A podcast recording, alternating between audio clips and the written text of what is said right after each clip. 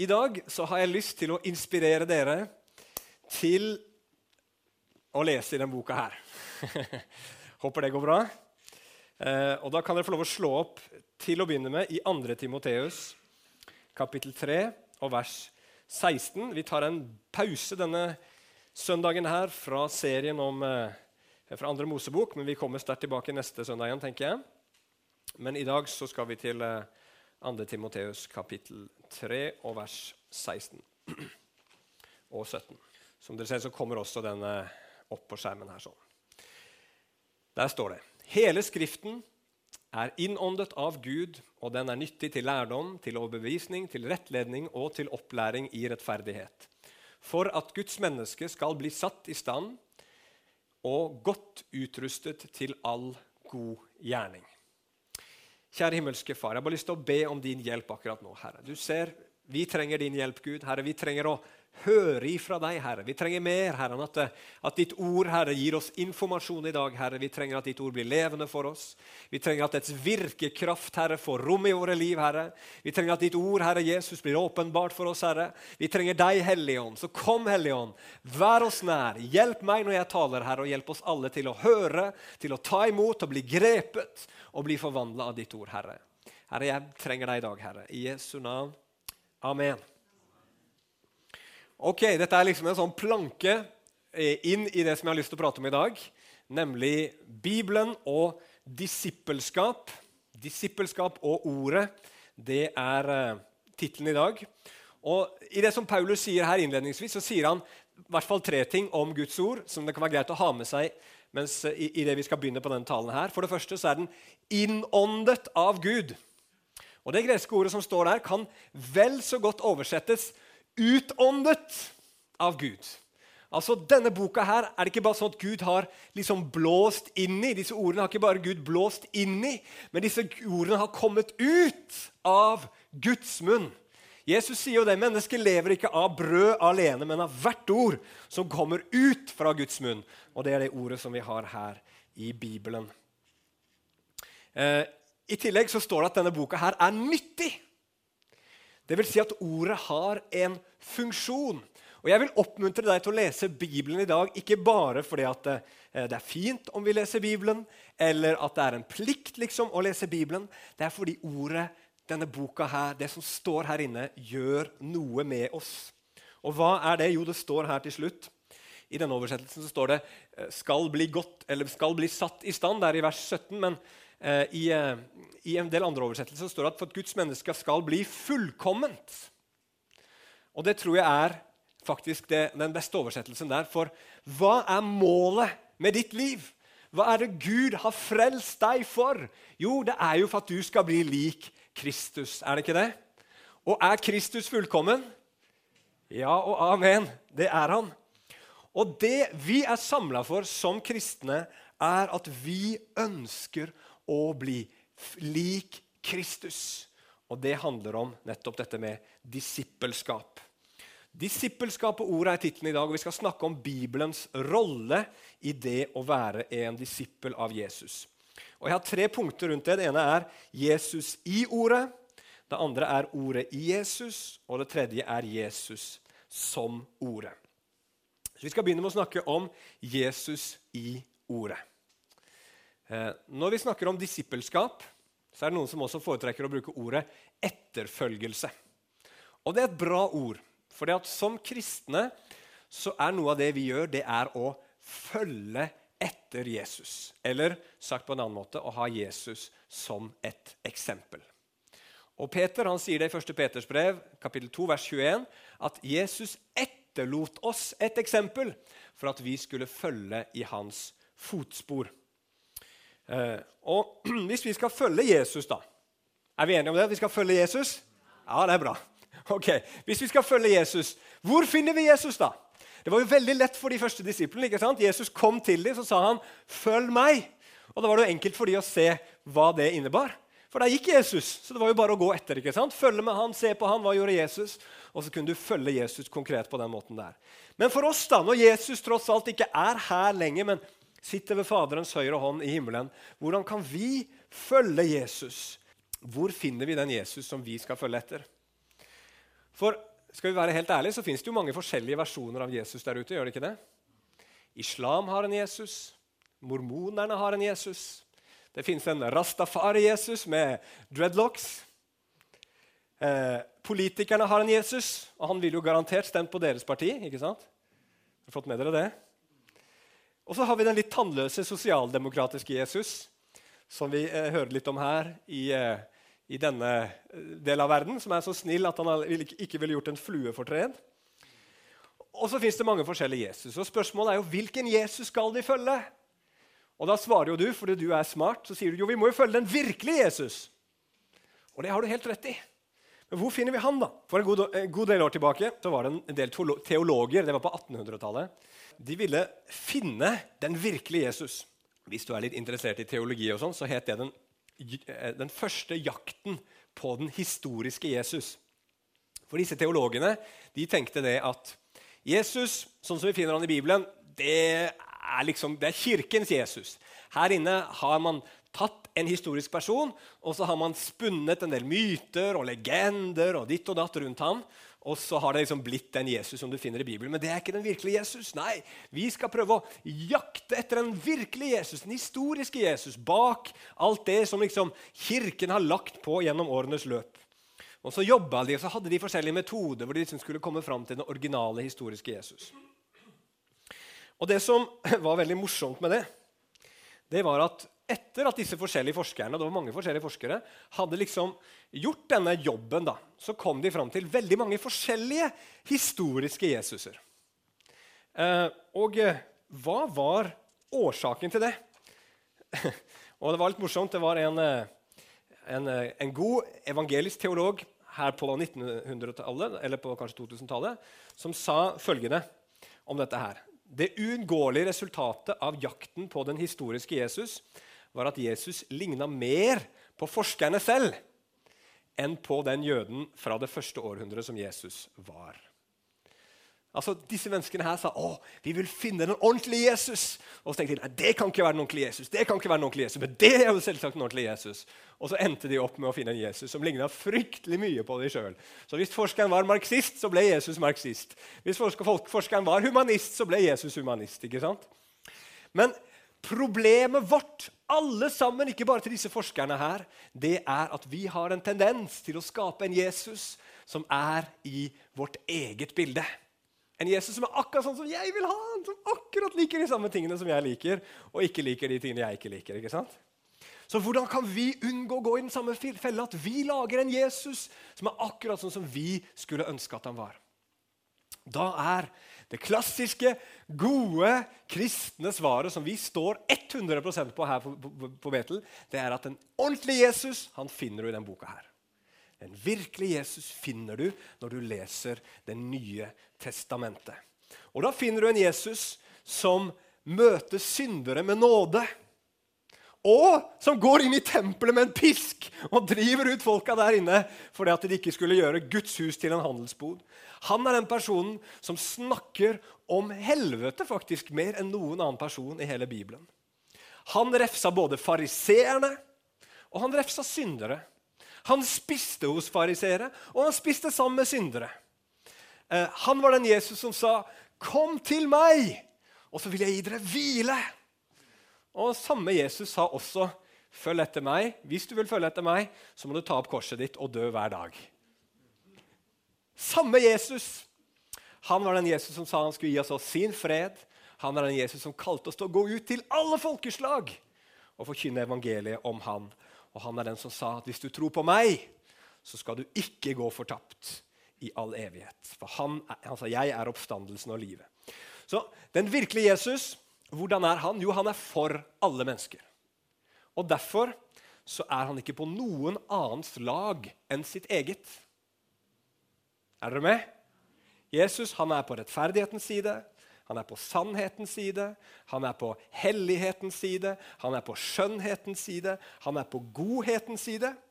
Og det vil si at Jesus han både vil bekrefte noe ved deg og utfordre noe ved deg. Du kommer til å like noe ved Jesus veldig mye, mens andre ting med Jesus kommer til å synes er litt plagsomt. Du vil oppleve det både gledesfylt og utfordrende å følge Jesus. Eh, en eh, kristen forkynner. Han er eh, fra England.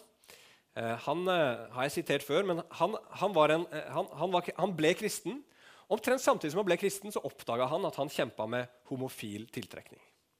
Men han skjønte at dette her går ikke overens med min kristne tro. Jeg kan ikke leve ut denne, denne tiltrekningen jeg har, hvis jeg skal også følge Jesus. Og, og han sier følgende om dette her. Helt siden jeg begynte å være åpen om mine egne erfaringer med homoseksualitet, har mange kristne sagt noe sånt som evangeliet må være vanskeligere for deg enn det er for meg. Som om jeg hadde mer å gi opp enn dem. Men faktum er at evangeliet krever alt av oss alle. Hvis noen synes evangeliet liksom har passet nokså enkelt inn i livene deres, uten å forårsake noen store endringer i livsstil eller lengsler, er det sannsynlig at de ikke egentlig har begynt å følge Jesus i det hele tatt. Jesus han både bekrefter deg og utfordrer deg. Og det er forskjellig på forskjellige områder for det vi er forskjellige.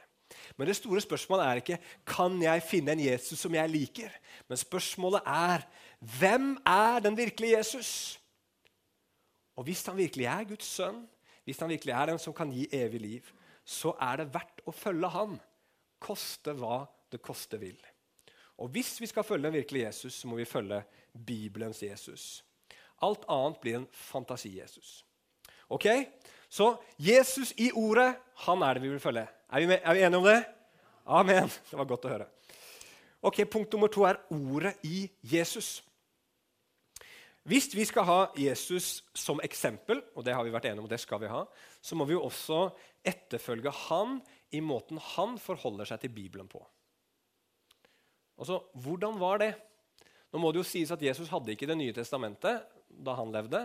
Og det er jo veldig eh, enkle grunner til det. Det var jo ikke skrevet ennå. Eh, men Det gamle testamentet hadde Jesus. Og når du leser i evangeliene, så ser du at Jesus han opplevde Det gamle testamentet ikke som en bok som var utgått på dato, eller som ikke hadde så veldig mye rele relevans for hans liv, men han opplevde Det gamle testamentet, Guds ord, som enormt viktig. Eh, for eksempel, så kan vi være nokså trygge på at Jesus leste Bibelen veldig mye. Nå er det bare ett eksempel i Bibelen på at Jesus faktisk leser Bibelen. og Det var da han var i synagogen i Nasaret og leser fra eh, Jesaja 61. Men vi kan anta at han leste mye i Bibelen rett og slett fordi at Jesus tydeligvis kunne veldig mye av Bibelen utenat. Eh, han siterer stadig vekk fra Det gamle testamentet. Og Hvis du skal liksom, eh, tro at Jesus hadde en favorittbok i Bibelen, så må det kanskje ha vært salmene. For Jesus siterer mest fra salmene. Så siterer han nest mest fra andre Mosebok, og så femte Mosebok. Og så Jesaja også kommer opp, høyt opp på lista. Og Vi ser at Jesus kunne mye av det her utenat. Det var ikke sånn at vi leser Jesus i Bibelen, liksom, når han siterer fra dette, så har ikke han sånn liten lommebibel, og så sier han litt, hva var det sto hos Jesaja igjen? liksom, også. Jo, der sto det dette her. Nei, Jesus har memorert Bibelen. Han kan mye av det som står der utenat. Så kan du jo si ja, men det er jo ikke så rart, han har jo skrevet den. Han er jo Gud. liksom. Nei, men Jesus han ble virkelig et menneske. Og han måtte lære akkurat som oss. Han måtte lære å lese han måtte lære å skrive. Han, skrive. han hadde ikke alt det automatisk inne. Han ble virkelig et menneske. og Derfor så brukte Jesus helt tydelig tid i Bibelen på å forstå den og å lære den. Men det som er enda viktigere enn at Jesus faktisk kunne Bibelen, det er at eh, Jesus var prega av Bibelen. For så vil det si at han trodde på alt Bibelen sa. Det sier han igjen og igjen. Han bekrefter at den er sann at den er historisk. Han snakker om Jonah, den sprøe historien om Jonah som ble slukt av en svær fisk og var tre dager inne i hvalens buk og ble spytta ut igjen.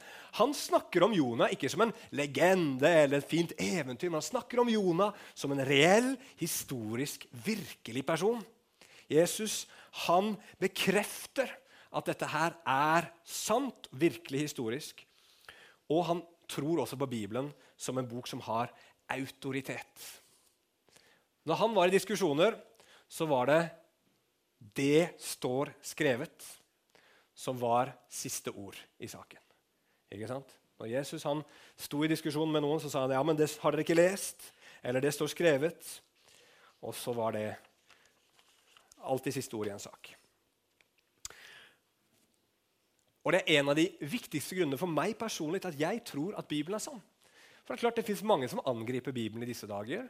Det fins mange som sier nei, nei, nei. Og spesielt Det gamle testamentet. Nei, nei, nei, det skjedde jo så klart ikke sånn. Det er jo klart at Sola kan jo ikke ha stått stille på himmelen når Josva liksom eh, invaderte Israel. Det er jo helt umulig. Eller Jesus kan jo ikke ha gått på vannet. ikke sant? Eller, man kommer med sånne type argumenter hele veien. Men den aller viktigste grunnen til at jeg tror på at dette virkelig er Guds ord, det er fordi Jesus helt tydelig trodde på Bibelen som Guds ord. Og Det ville jo vært litt rart om jeg trodde at jeg visste bedre enn Jesus. da. Og Det som jeg har lyst til å si rundt det, det er at fordi at Bibelen var så viktig for Jesus, så prega det hele Jesus sitt verdensbilde. Og da tenker du, Hva i all verden er et verdensbilde? Nå skal vi prøve på en liten sånn uh, illustrasjon. Jeg har brukt den før, men det er sikkert ikke så veldig mange som husker det. Eh, bortsett fra de som var på, uh, på Led Rogaland, kanskje. Men dere kunne ikke se den saken der likevel på skjermen, for teknikken funka jo ikke. Men hva er, hva er et verdensbilde? Jo, verdensbildet kan du godt si er de brillene man ser på verden gjennom. Når du ser på denne saken her, er det sånn at ved å studere dette verktøyet her nøye, ved å kikke veldig sånn eh, grundig på det, at du da kan se hva dette verktøyet her skal brukes til. Du kan kanskje ha en formening om det, men hvordan vet du at ikke For du har aldri sett dette verktøyet før. Hvordan vet du at det ikke mangler en del? At det kanskje er ødelagt og ikke fungerer sånn som det skal? Så Derfor så er det ikke så lett. Du kan ikke finne informasjon om hva det verktøyet der er til, ved å kikke på verktøyet selv. Den informasjonen fins ikke i verktøyet selv. Du må få den informasjonen utenfra. Fra en som vet hva det er, eller fra den som har laga det. Men, men, men informasjonen fins ikke i tingen selv. Og på samme måte, når du ser på et menneske, og du spør deg hva er denne, dette vesenet for? Hva er hensikten med dette vesenet? Så kan ikke du finne det i vesenet selv. Noen vil sagt Nei, dette vesenet her har ingen spesiell hensikt. Det er bare et resultat av tilfeldigheter. Noen ville kanskje sagt at dette vesenet har som hensikt og mål å bli så lykkelig som mulig. Føle seg så lykkelig som mulig. Og Noen fra en eller annen religion vil kanskje sagt nei, dette menneskets største hensikt det er å forstå at det er en del av alt sammen. Et eller annet sånt. Men poenget er at du finner ikke informasjon om hva et menneske er til, i mennesket selv. Den informasjonen må du få utenfra. Og det er et verdensbilde som vi ser på virkeligheten igjennom. Nå lurer du kanskje på hva det verktøyet er for noe til. Eh, jeg vet faktisk ikke, men det er et sånn tannlegeverktøy. i hvert fall. Så jeg eh, kan være glad at de ikke bruker sånne lenger. Men Jesu verdensbilde det er henta fra Bibelen. Sånn at Når Jesus ser på virkeligheten, så ser han ikke eh, på virkeligheten nøytralt. Eller han ser ikke på det ut fra eh, liksom, sin samtid, nødvendigvis, men han ser det ut ifra eh, Bibelens verdensbilde. Det betyr at når han så på verden, og når vi ser på verden, så ser vi på en verden som Gud har skapt. Ikke en verden som har blitt til ved masse tilfeldigheter. Når vi ser på et menneske, så ser vi på et, et vesen som er skapt i Guds bilde med en uendelig verdi. Eh, når vi ser på verden og ser på alle de problemene som er i verden, så sier vi menneskets dypeste problem er synd. Eh, og vi tror, som Jesus også trodde, at vårt største behov som mennesker det er fellesskap med Gud. Og Jesus han trodde på evig liv, han trodde på fortapelse, og han trodde at han sjøl var verdens frelser. Så Bibelen gjennomsyra alt det Jesus tenkte, hvordan Jesus så på verden, og hvordan Jesus snakka. Og Det som er utfordringa for oss, det er at vi kan så lett bli prega av det samfunnet vi lever i, av det verdensbildet vi er en del av. For mennesker i dag ser på samme tingen og ser to helt forskjellige ting. F.eks. et lite foster i mors mage. Noen mennesker ser på det så sier de nei, det er en del av kvinnens kropp. Akkurat som en nyre. Ikke sant? Og På samme måte som vi kan ta ut en nyre, hvis den er, skaper problemer, så kan vi også ta ut dette fosteret for det skaper problemer. Det er et verdensbilde som sier det. Mens vi som har et kristent verdensbilde, vi ser på det fosteret i magen og så sier vi, nei, det er et menneskeliv. For alle, alle, i samfunnet vårt er uenige i dag om at vi ikke skal drepe. ikke sant? Men det er verdensbildet som bestemmer hva er dette vesenet inni mors mage. Og vi ser der et menneske. Og da må jo vi kristne helt klart gjøre alt vi kan for å hindre at det barnet mister livet. Vi kan se på, kan se på det samme med, med, seksualitet. ikke sant? Uh, hvis, hvis mennesket i dag tenker at seksualitet det er det høyeste gode i, i, mennesket, i, et menneskes liv. ikke sant? Å leve ut sin seksualitet er det viktigste for et menneske. Så er Det klart, det høres jo litt hardt ut å si da, til noen mennesker nei, du kan ikke leve ut det du kjenner. For Hvis det er det høyeste gode for et menneske, så er man ganske stygg med dem. da, hvis man tar fra dem det beste i, i livet. Men som kristne så sier vi nei. Seksualitet er ikke det høyeste gode i livet. Det kan til og med være ganske skadelig hvis det, hvis det ender opp i feil retning. Og Vi sier at det høyeste gode i livet er å kjenne Gud. Og at Selv om du kanskje mister noe av de gledene i hermetegn som denne verden har å by på, så gjør ikke det så mye hvis du kjenner Gud. Og Da har vi et helt annet bilde på verden som gjør at vi ser annerledes på det og snakker annerledes om det og gir helt annerledes veiledning. Så vi må ikke la oss prege av denne verden, men vi må gjøre som Jesus og la vårt bilde på verden bli prega av, av det som Bibelen sier. Henger dere med? Jesus han var en han elska Guds ord. Og hvis vi kan si det sånn uten at det høres for flåsete ut, så var det nesten sånn at Bibelen tøt ut av Jesus. Altså I alle situasjoner, spesielt når han var pressa, så var det Bibelen som kom ut. Vi vet at Han var i ørkenen i 40 dager ikke sant? og ble frista av djevelen. Tenk noen, Hvis djevelen hadde møtt opp på døra hos deg liksom. Vi har jo vi har problemer alle sammen, men jeg tror ikke vi har vært der. Men Jesus var, var der, og djevelen frista han, og det var reelle fristelser. Og hva kommer ut av Jesus da? Jo, Bibelen. ikke sant? Og han hadde enormt vanskelige og krevende diskusjoner med fariseerne. De var lærde, de var intelligente, de var skarpe, og de var tøffe. Hva er det Jesus svarer med? Jo, Guds ord. Og så har du den aller tøffeste, aller vanskeligste situasjonen i Jesus sitt liv, når han henger på korset og, og, og, og er under Guds dom i vårt sted. Vet du hva som kommer ut av, Jesu munn da?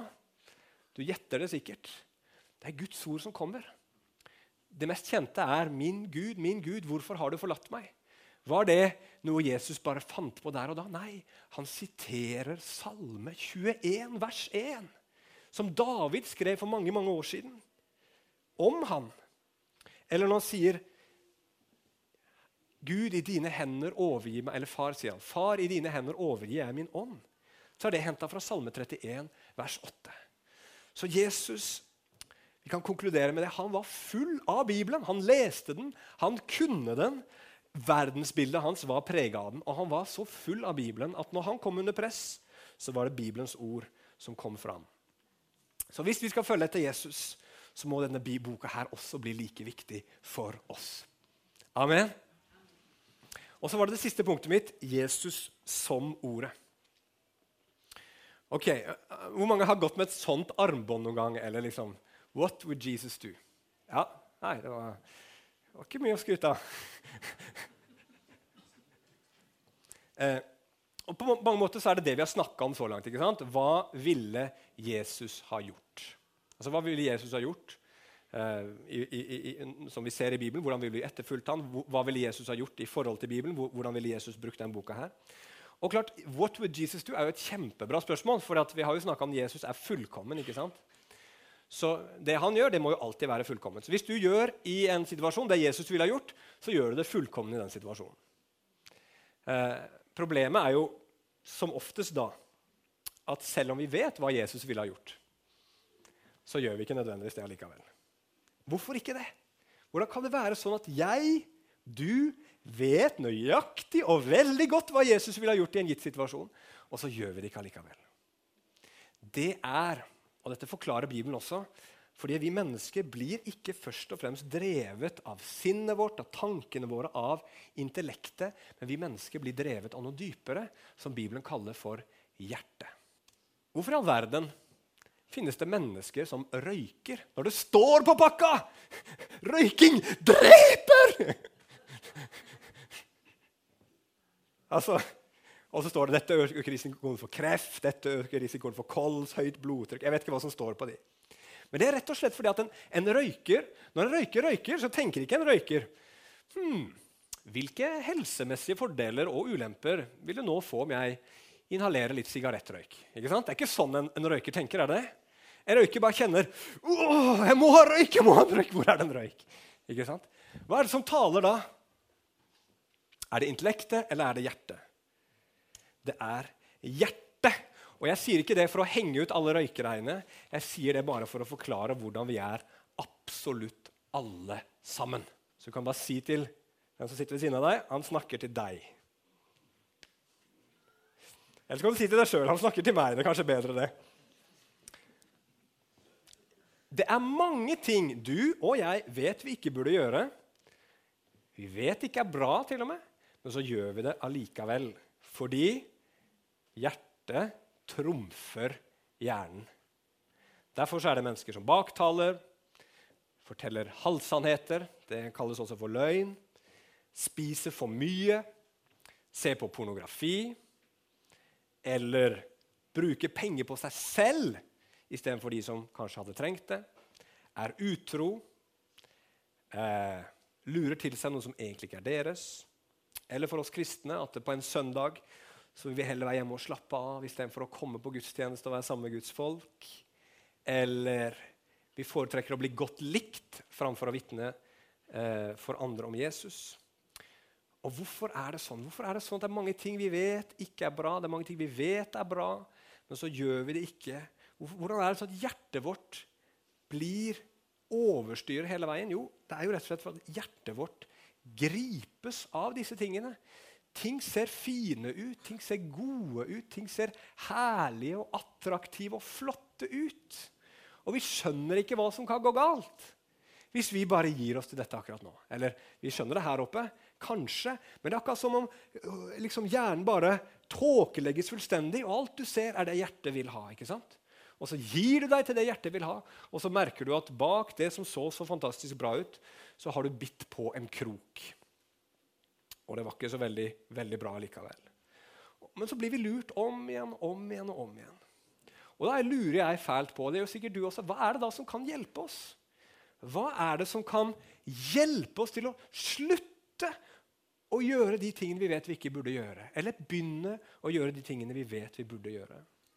Jo, Bibelens svar er, Et av de viktigste svarene i Bibelen tror jeg er det at for at våre hjerter ikke skal følge disse tingene som hjertene våre blir grepet av, så trenger vi å se noe som er enda herligere og enda vakrere, og bli dratt mot det istedenfor.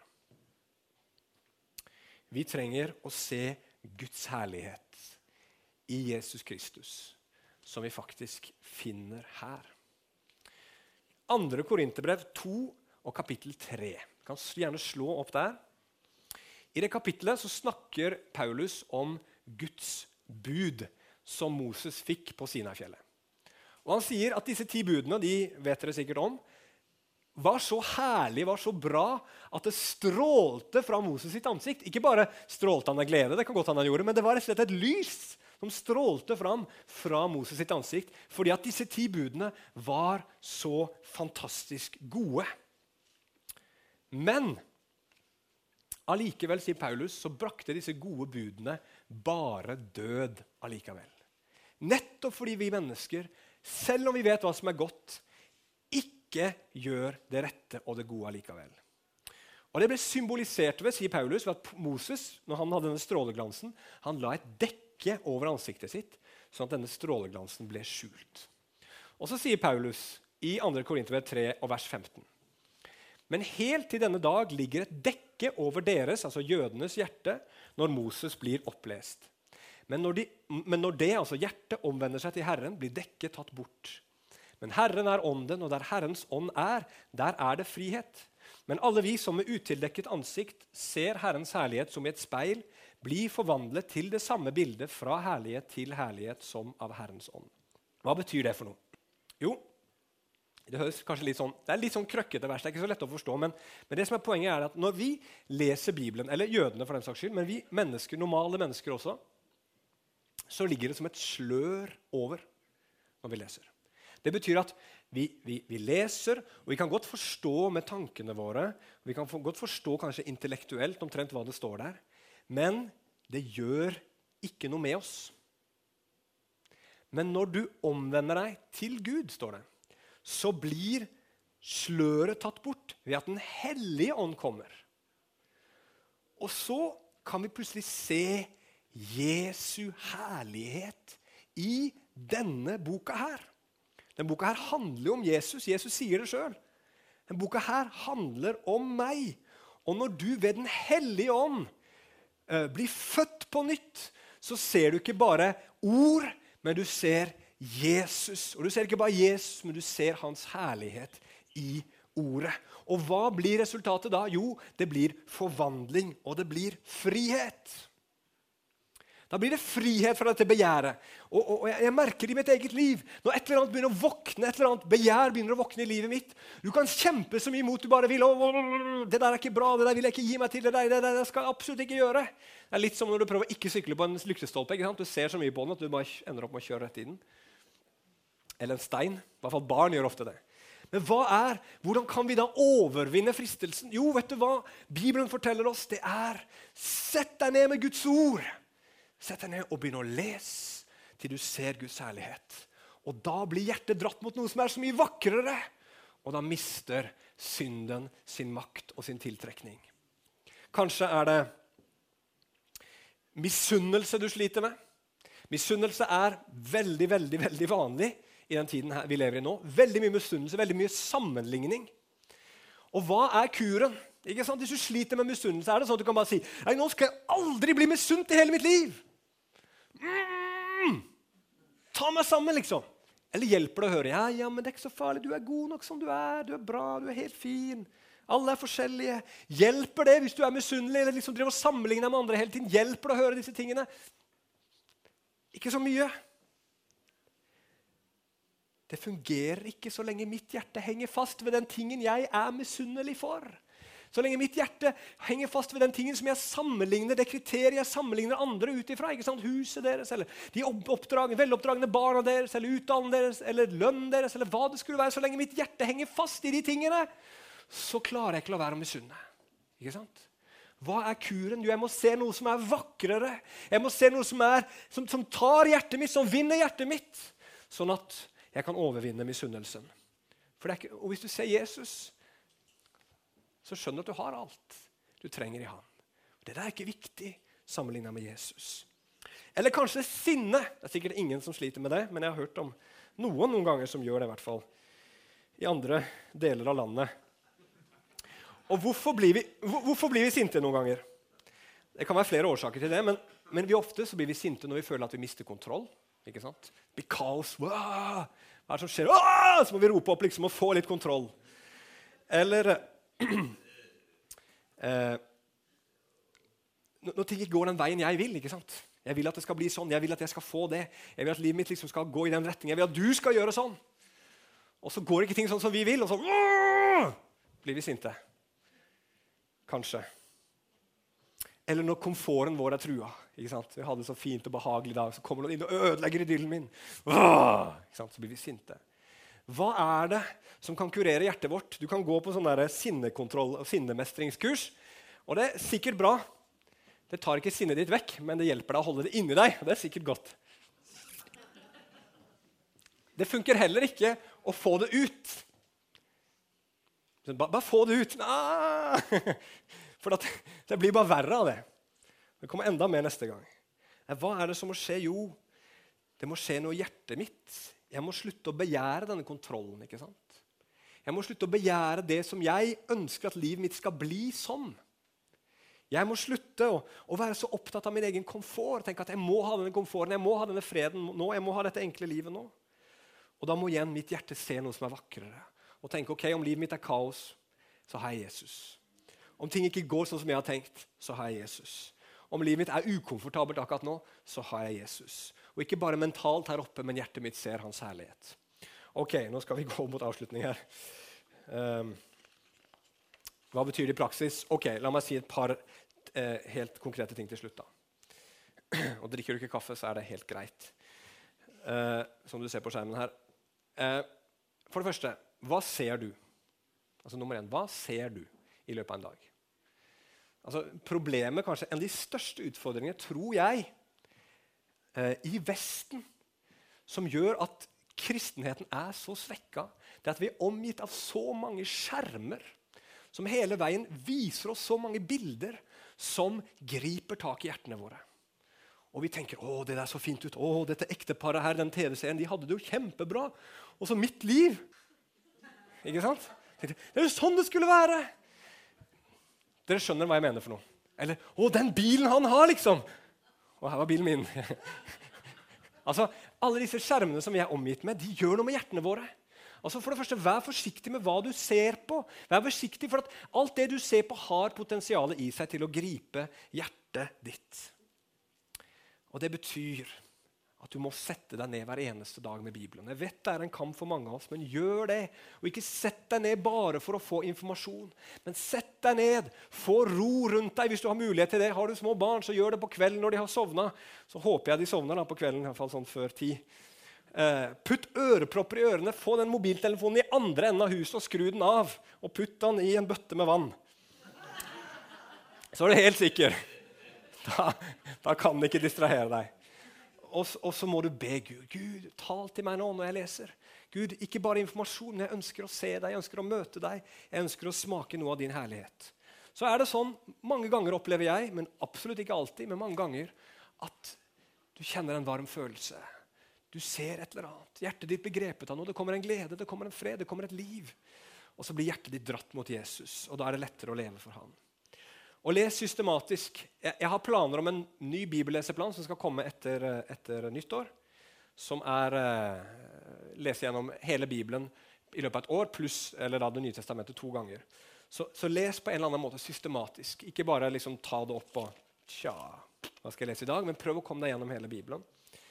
Eh, og så tror jeg også det er viktig, både med tanke på hva som blir forkynt her, men også i smågruppene deres når dere setter dere ned og skal snakke om Bibelen, så spør dere alltid spørsmålet hvor er Jesus her? Hvor er Jesus her? Hvor, hvor, hvor ble, hvordan ble Jesus stor i det vi leser nå? Hvordan er det Jesus som er helten her, ikke jeg? Ikke sant? Vi, hvordan er det Jesus er skatten som denne historien her handler om? Som hjertet mitt skal bli grepet av? Sånne ting tror jeg det er veldig veldig viktig at vi holder fokus på. Ok, Nå skal vi gå til avslutning. Vet du hva? Å være en disippel det er ikke alternativ for en kristen. Det er ikke et alternativ egentlig for noe menneske. For alle sammen er vi disipler av et eller annet. Alle mennesker lyder noe. Alle mennesker følger noe eller noen. Alle gjør det. Men når vi er kristne, hva vil vi da? Jo, da vil vi følge den virkelige Jesus. Og det er han vi finner i Bibelen. Men for at det skal skje, så må hjertene våre bli grepet av han. Ikke sant? Og Hvis ikke Jesus stadig vekk får gripe hjertet ditt, så blir hjertet ditt grepet av andre ting. Det er realiteten, kjære brødre og søstre. Vi er sånn alle sammen. Vi kjemper den samme kampen, alle sammen. Men kuren er å la Jesus få bli stor i livene våre. Og han finner du her. Og dette her er Guds ord. Når Gud talte for første gang, så ble det lys. Og når det ordet får tale inn i ditt hjerte, så blir det jammen lys der òg. Og Paulus han sier det litt seinere i 2. Korinterbrev 4, vers 6. Det skal vi avslutte med. For Gud, som bød lyset å skinne ut fra mørket, han har latt det skinne i våre hjerter for å la lyset fra kunnskapen om Guds herlighet i Jesu Kristi ansikt skinne frem. Kjære himmelske Far. Kan vi ikke bare reise oss opp, alle sammen? Kjære himmelske Far, vi har bare lyst til å komme til deg, Herre, og be Herre Jesus om at du skal åpenbare deg for oss nå, Jesus. Og Herre, la oss bare få et glimt av deg i dag, Herre. Vi vet at eh, vi får det i Bibelen, Herre. Vi kan få det i lovprisning og bønn, Herre Jesus. Din Hellige Ånd kan komme over oss i et uant øyeblikk, Herre Jesus. Vi bare vet det, Herre Jesus, at du kan komme på mange forskjellige måter med Gud. Herre, vi trenger det, Herre. Vi trenger å se din herlighet, vi trenger å se din skjønnhet. Vi trenger å se at vår skatt er ikke her nede, men vår skatt er i deg, Kristus. Halleluja. Å, Hellige Ånd, bare kom og fyll dette lokalet nå med ditt hellige, gode nærvær. Hjelp oss å forstå, Herre, hvem du er enda mer i dag, Herre. La det bli et, det bli et blikk for våre indre øyne, Herre, som, som slår oss over ende, Herre Jesus. Eller som, som, som gjør noe med oss, Gud. Herre, det ber vi om i Jesu Kristi navn. Halleluja. Vi trenger deg, Jesus. Vi trenger deg, Jesus, og vi elsker deg, Jesus. Og du er livet vårt, Herre. Og uten deg har vi ingenting, Jesus. Men i deg, Herre, så har vi blitt rike. Og vi har blitt rike fordi du ble fattig. Du ga deg selv for oss, Jesus. På korset, Herre. Du tok det jeg skulle fått, Herre, av dom og død og elendighet, Jesus, for å gi meg det du skulle fått. Evig liv, ære og herlighet. Guds fars kjærlighet. Herre, vi priser deg for det i dag. I Jesu navn. Halleluja.